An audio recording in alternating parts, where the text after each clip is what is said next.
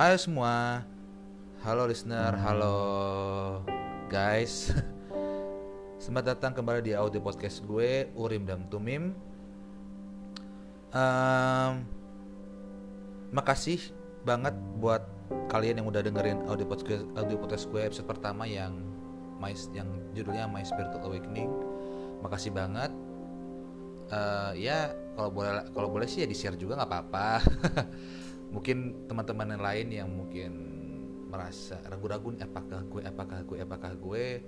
Jadi sedikit terbangkitkan gitu. Oke bahasa seremnya bahasa serunya ya. Um, gue mau kembali mengingatkan bahwa audio podcast gue ini isinya adalah menceritakan pengalaman-pengalaman gue uh, kisah-kisah gue cerita-cerita gue. Ketika gue tahu kalau gue ini agak sedikit berbeda meskipun ya di audio podcast udah gue jelasin di episode yang pertama meskipun udah dari kecil cuma kayak gak ada yang men apa ya gak ada yang meyakinkan gue gak ada yang menjudge gue kalau lu tuh begini gitu. Sampai akhirnya gue konsultasi dengan kak Meta. Itu review episode yang pertama ya. Oke di episode yang kedua kali ini gue akan gue juga bingung sebenarnya gue mau cerita apa gitu. Gue niatan gue tuh seminggu sekali gue mau publish one episode gitu.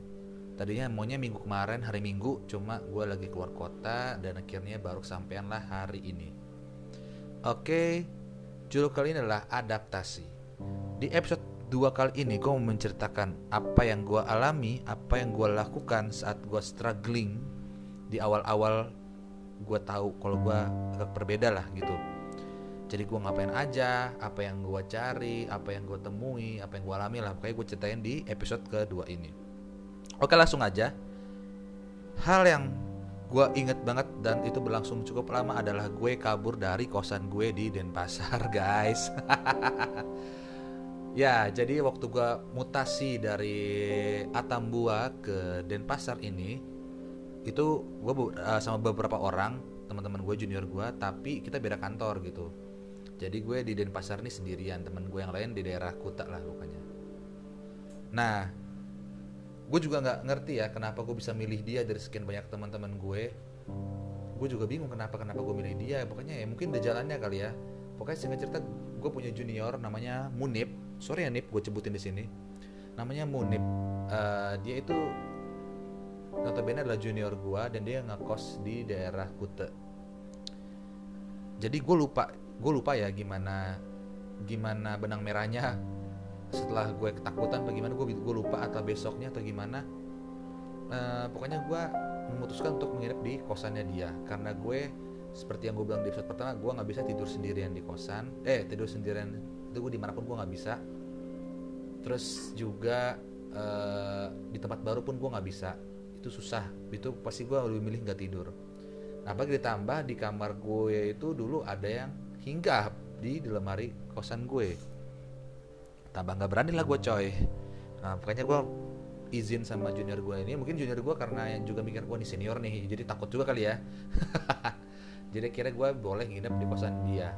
Ya tapi ya gitu. Jadi gue malam tidur di kosannya dia tapi gue berangkatnya jadi agak jauh dong ke Denpasar gitu daerah Kute terus baliknya gue gak langsung ke kosan teman gue gue ke kosan gue dulu gue beres-beres ngambil ngambil ya pakaian dan segala macam beres-beres kosan.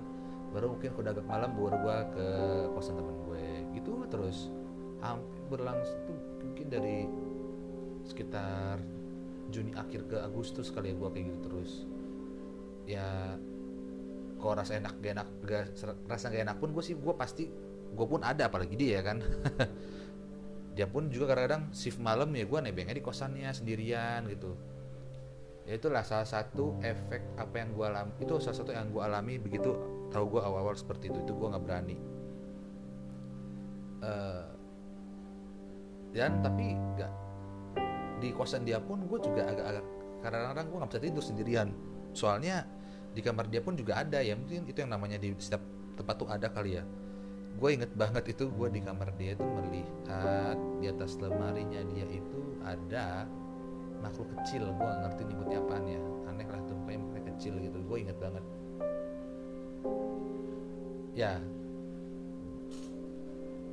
Tommy cuma uh, intensi dia nggak se gak semenakutkan yang ada di kamar gue itu. Jadi gue kayak masih bisa berdamai lah. Uh -uh. sebenarnya sih ya mungkin karena dia makhluk kecil ya kalau di kamar gue ini kan sosok perempuan gitu. Jadi dia bisa berubah jadi yang cantik bisa berubah jadi yang sisi sisi lainnya gitu. Dan dia suka sama gue gitu. Jadi dia tuh gue tidur netapin gue mulu. Gimana sih lu lagi tidur? Liatin orang kan lu kayak risih gak sih? Itulah yang gue rasakan dulu di kamar gue guys. Oke itu pertama gue jadi apa yang gue pertama gue kabur ya. Gue nginep di kosan temen gue. Dan misalkan gue lagi sendirian pun misalnya teman gue shift malam nih gue sendirian gue manggil teman gue yang lain nih buat buat nginep di situ gitu. Pokoknya dulu gue inilah kayak berasa inilah berasa orang yang punya kosan lah. Padahal ada kosannya gitu. Gue kayak numpang mulu gue benalu udah benalu deh gue emang ini. Ya makasih ya guys buat teman-teman gue yang sering gue inepin ataupun teman-teman gue yang sering gue suruh nginep. Thank you banget. Nah, terus um, ya di kosan dia pun ini ya kan banyak kamar-kamar juga ya jadi misalkan gue lagi terima telepon gitu gue lagi ngob gue keluar kamarnya dia itu ya misalkan gue lagi malam-malam ya banyak banyak juga yang ini banyak yang datang-datang pengen dengerin juga pengen liatin gue lagi ngobrol gitu. Ada ada Miss K itu lagi duduk-duduk di lantai dua kayaknya goyang-goyang gitu liatin gue lagi nelfon. Ya gitu lah pokoknya. Aduh. Benar-benar berat banget sih waktu itu awal-awal sih. Uh, terus apalagi ya hmm, apalagi apalagi apalagi oh ya jadi gue inget banget gue gue konsul sama Kameta tuh kayaknya hari Kamis malam gue loh kalau nggak salah. Terus lanjut Jumat. Nah Sabtunya gue mau nonton sama teman-teman gue nonton ke sebuah XS1 di daerah kota juga. Kita kita mau nonton Annabelle singkat gue. Nah itu kayak masih siang-siang jam 2an jam satuan gitu gue lagi di teras kosan gue ya di kosan gue gue ngerasa kok tiba ada yang tiba ada yang set gitu tuh kok berat di punggung gue gitu. Nggak berat sih maksudnya. Jadi kayak di punduk punduk lagi pundak tengkuk tengkuk. Di tengkuk kita itu kayak ada satu titik yang bikin kita nggak enak gitu. Jadi kayak dia menekan gitu. Tapi nggak tajam bukan.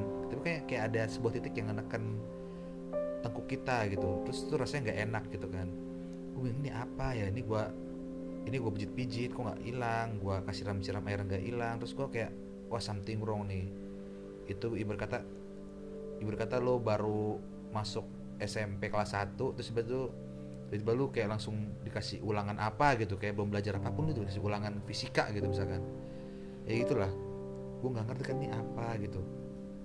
Terus akhir gue masa bodoh gue tetap lanjut nonton sama temen gue. Nah di action itu kan pasti dingin ya guys. Ya itu gue leher gue panas jadi sepanjang gue nonton tuh gue megangin leher mulu ngusap-ngusap leher pun gue leher leher tengkuk gue gue usap-usap gitu. Sampai kayaknya sebelah kiri gue tuh kayak ngeliatin nih anak kenapa ya ini orang nih rusuh banget sih nggak bisa diem kayak gitu kali ya. Itu sumpah gak enak banget. Uh, leher lu panas gitu terus gue nih apa sih? gitu kan.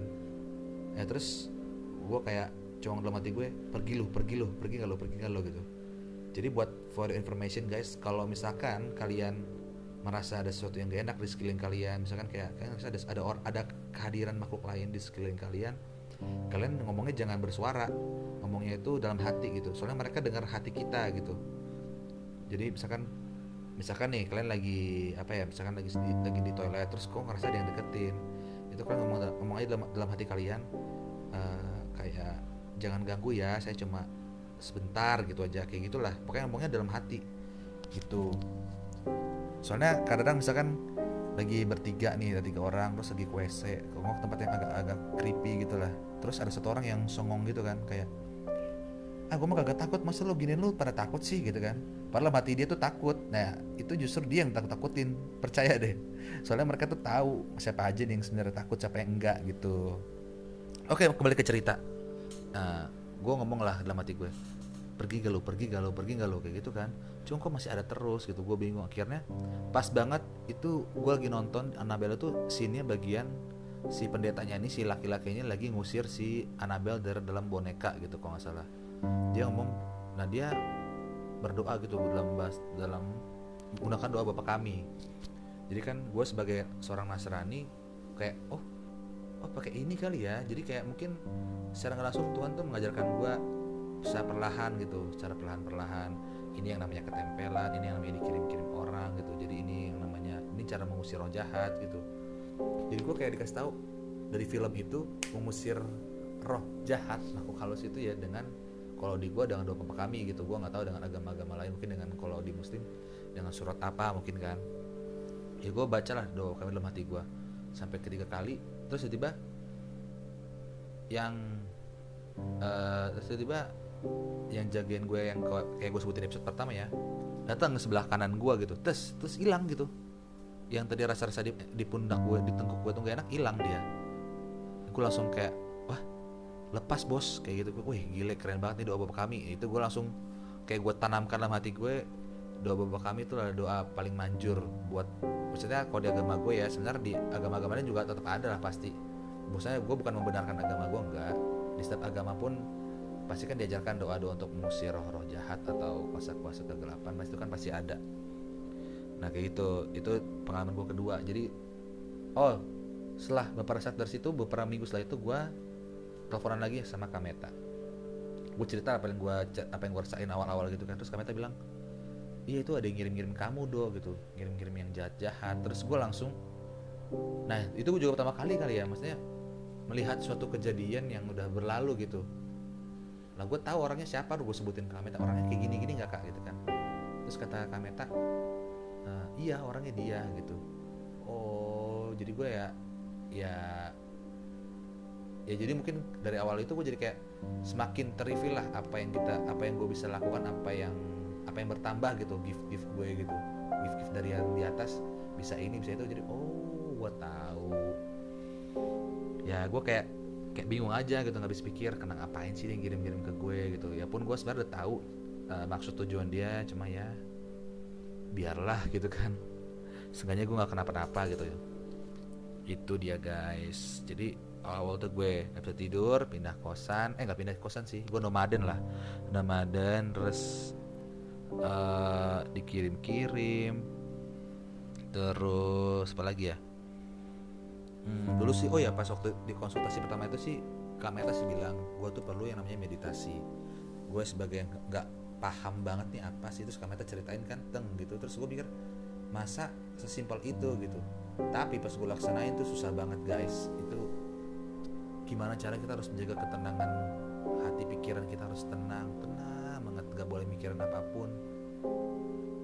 Uh, bukan itu sih kita harus menerima apa yang datang di pikiran kita harus kita lepaskan. Gitu terus wah coba kalian bayangin aja kalian suruh diem 5 menit aja itu susah kan?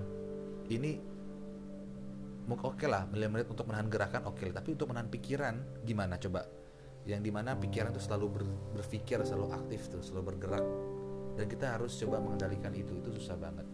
5 menit aja susah banget. Itu jadi mungkin nanti one day kita akan bahas tentang meditasi kali ya. Tapi begitu lu sudah bisa mempraktekannya itu sumpah enak banget.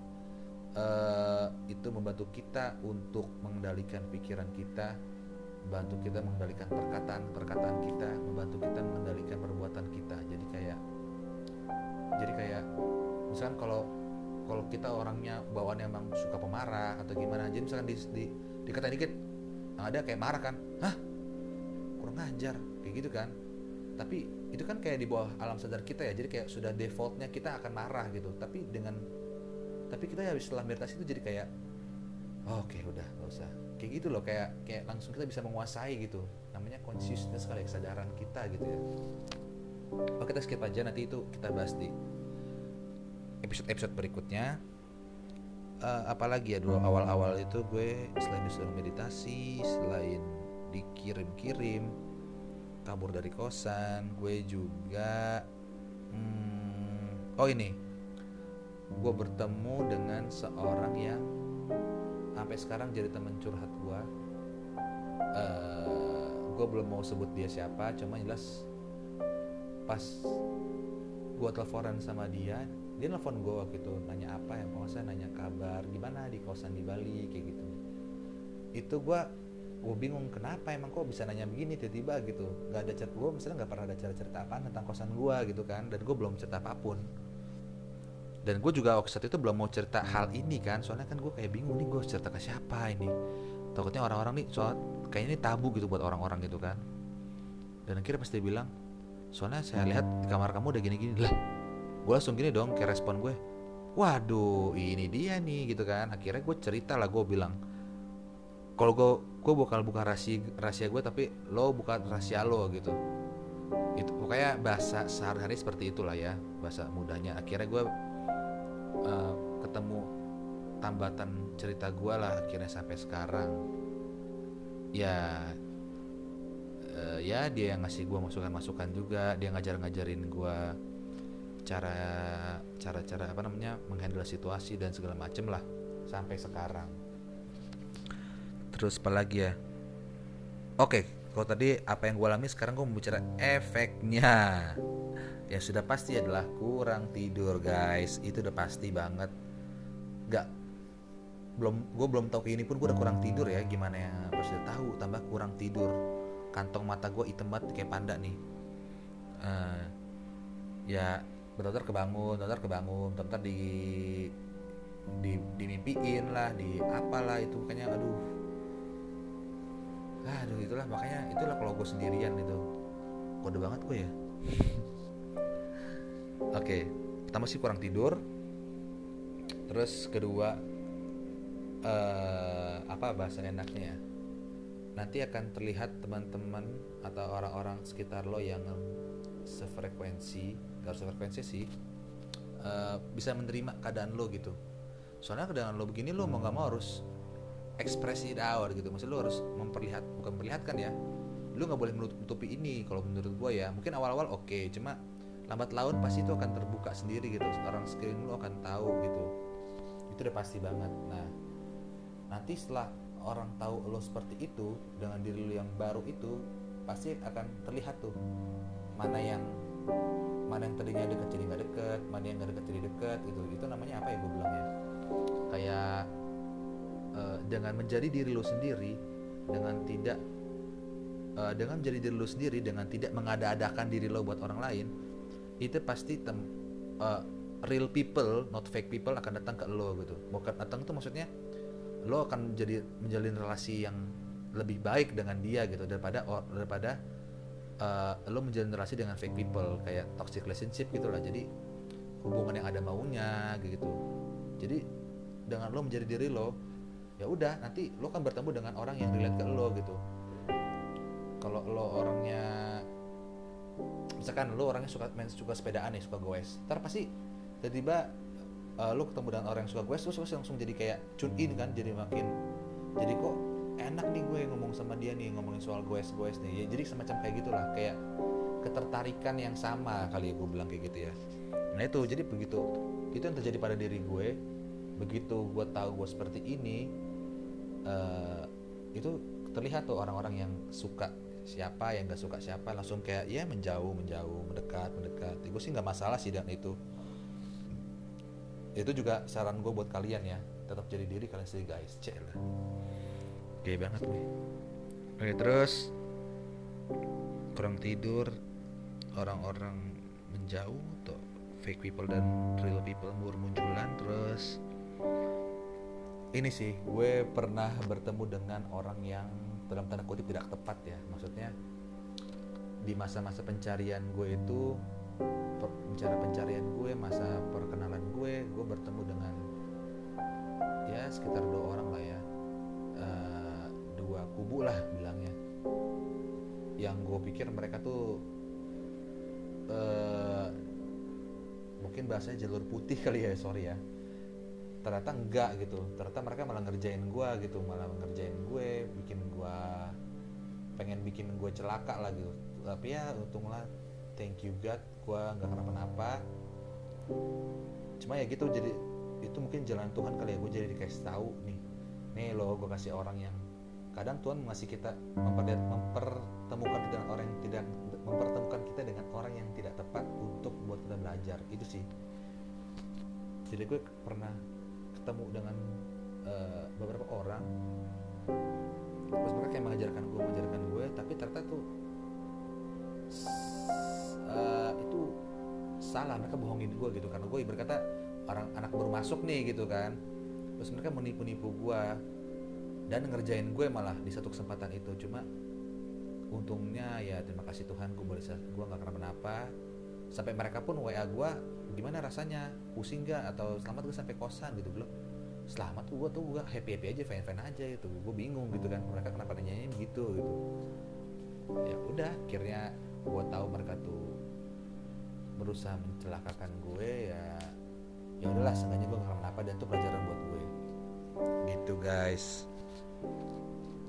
Ya itu tadi efek-efek terus apa yang gue alami selama gue baru-baru awaken uh, terus yang sudah pasti uh, oh ya gue di sekarang gue akan memberikan saran dari gue ya sesuai pengalaman gue apa yang harus kalian lakukan buat kalian yang merasa gifted atau misalkan kalian yang baru sadar atau mungkin disadarkan oleh orang seperti gua uh, pertama itu adalah berdoa. Itu penting banget sumpah. Ini berdoa doa itu adalah HP yang gak butuh charger gak butuh pulsa kali ya doa ini. Kalau gua gue juga ngerti ini uh, kalau nggak kalau nggak diajarin berdoa gue nggak tahu gimana caranya bisa sampai sejauh ini gitu. Jadi yang adalah kalian pertama berdoa. Berdoa untuk apa? Pertama untuk diarahkan ke arah yang benar ke jalan yang benar. Terus berdoa agar kalian tuh berserah penuh atas rencananya Tuhan karena menurut gua uh, beliau ngasih kita gift sesuatu gak harus gift lah. Bisa aja talenta kayak misalkan uh, Tuhan ngasih lo bisa main bulu tangkis. Uh, tentunya buat main bulu tangkis bukan buat renang kan gitu maksud gue. Jadi uh, Tuhan ngasih kita sebuah kemampuan sebuah talenta sebuah gift itu pasti adalah tujuannya. Gak mungkin gak ngasih serta merta gitu aja. Jadi kita kayak serahin sama yang di atas kita mau dibawa ke mana gitu terus yang ketiga agar kita lindungi dari yang kelihatan maupun yang tidak kelihatan itu sudah pasti harus kalian minta doa. Ya gitu sih cara gue tambah berdoa itu sumpah tuh ampuh banget ampuh banget. Terus yang kedua adalah mungkin lo harus bisa cari teman curhat kali ya teman yang bisa menerima lo. Gak harus dia bisa ngasih feedback gak harus gak harus dua arah maksudnya gak harus dia orangnya ngerti spiritual spiritual juga gak harus. Uh, teman yang lu cerita dia nerima aja tuh udah udah seneng gak sih? Itu udah seneng udah kayaknya udah udah tenggat banget ada yang dengerin gua gitu dan nggak ngedecline apa yang kita omongkan gitu. Gitu sih kalau saran gue. Terus kalau selain teman curhat mungkin ya mungkin lo bisa nulis buku atau nulis di di catatan lo apa yang apa yang lo alami atau yang apa yang lo lihat gitu. Itu aja terus um, ya mungkin itu itu aja episode 2 kali ini. Tadi gue mau nambahin sih tentang kan ini termasuk awal-awal ya. Jadi awal-awal gue itu pas masuk kantor gue juga bertemu bertemu bertemu dengan sosok-sosok yang ada di kantor gue. Cuma kayaknya kalau gue bahas di sini kayaknya agak lama. Mending kita bahas di episode-episode berikutnya. Ya nggak sih? Biar makin panjang dan makin penasaran kalian. Iya lah so banget gak sih Oke, jadi episode 2 sampai di sini aja kali ya guys. Sampai ketemu di episode yang ketiga dan episode-episode berikutnya. Um, bagiin juga share juga ke teman-teman kalian lewat medsos-medsos kalian terus kalau misalkan gue ada share lewat gue sih bisa share lewat Instagram atau Twitter WhatsApp nah nanti kalau misalkan kalian mau reply gue ngasih masukan atau mau ngasih ide ide podcast selanjutnya. Ya sok silahkan aja. Ada juga sih yang kayak uh, do atau bang. Bisa kali bang tuh dua ada dua orang gitu jadi biar bisa tektok. Gue sih pengen ya cuma gue bingung uh, masih belum bertemu dengan orangnya gitu. Soalnya juga equipment equipment gue cuma hand, handphone sama headset aja tau udah sampai aplikasi Anchor udah. Gue belum ada menggunakan apa pun gitu. Ya mungkin ntar teman-teman kalau ada yang mau bantu gue support gue bisa kali ya ya itu deh saran dan doa dan buat dan penutupnya tetap jadi diri kalian dan juga tetap berdoa pada yang maha kuasa.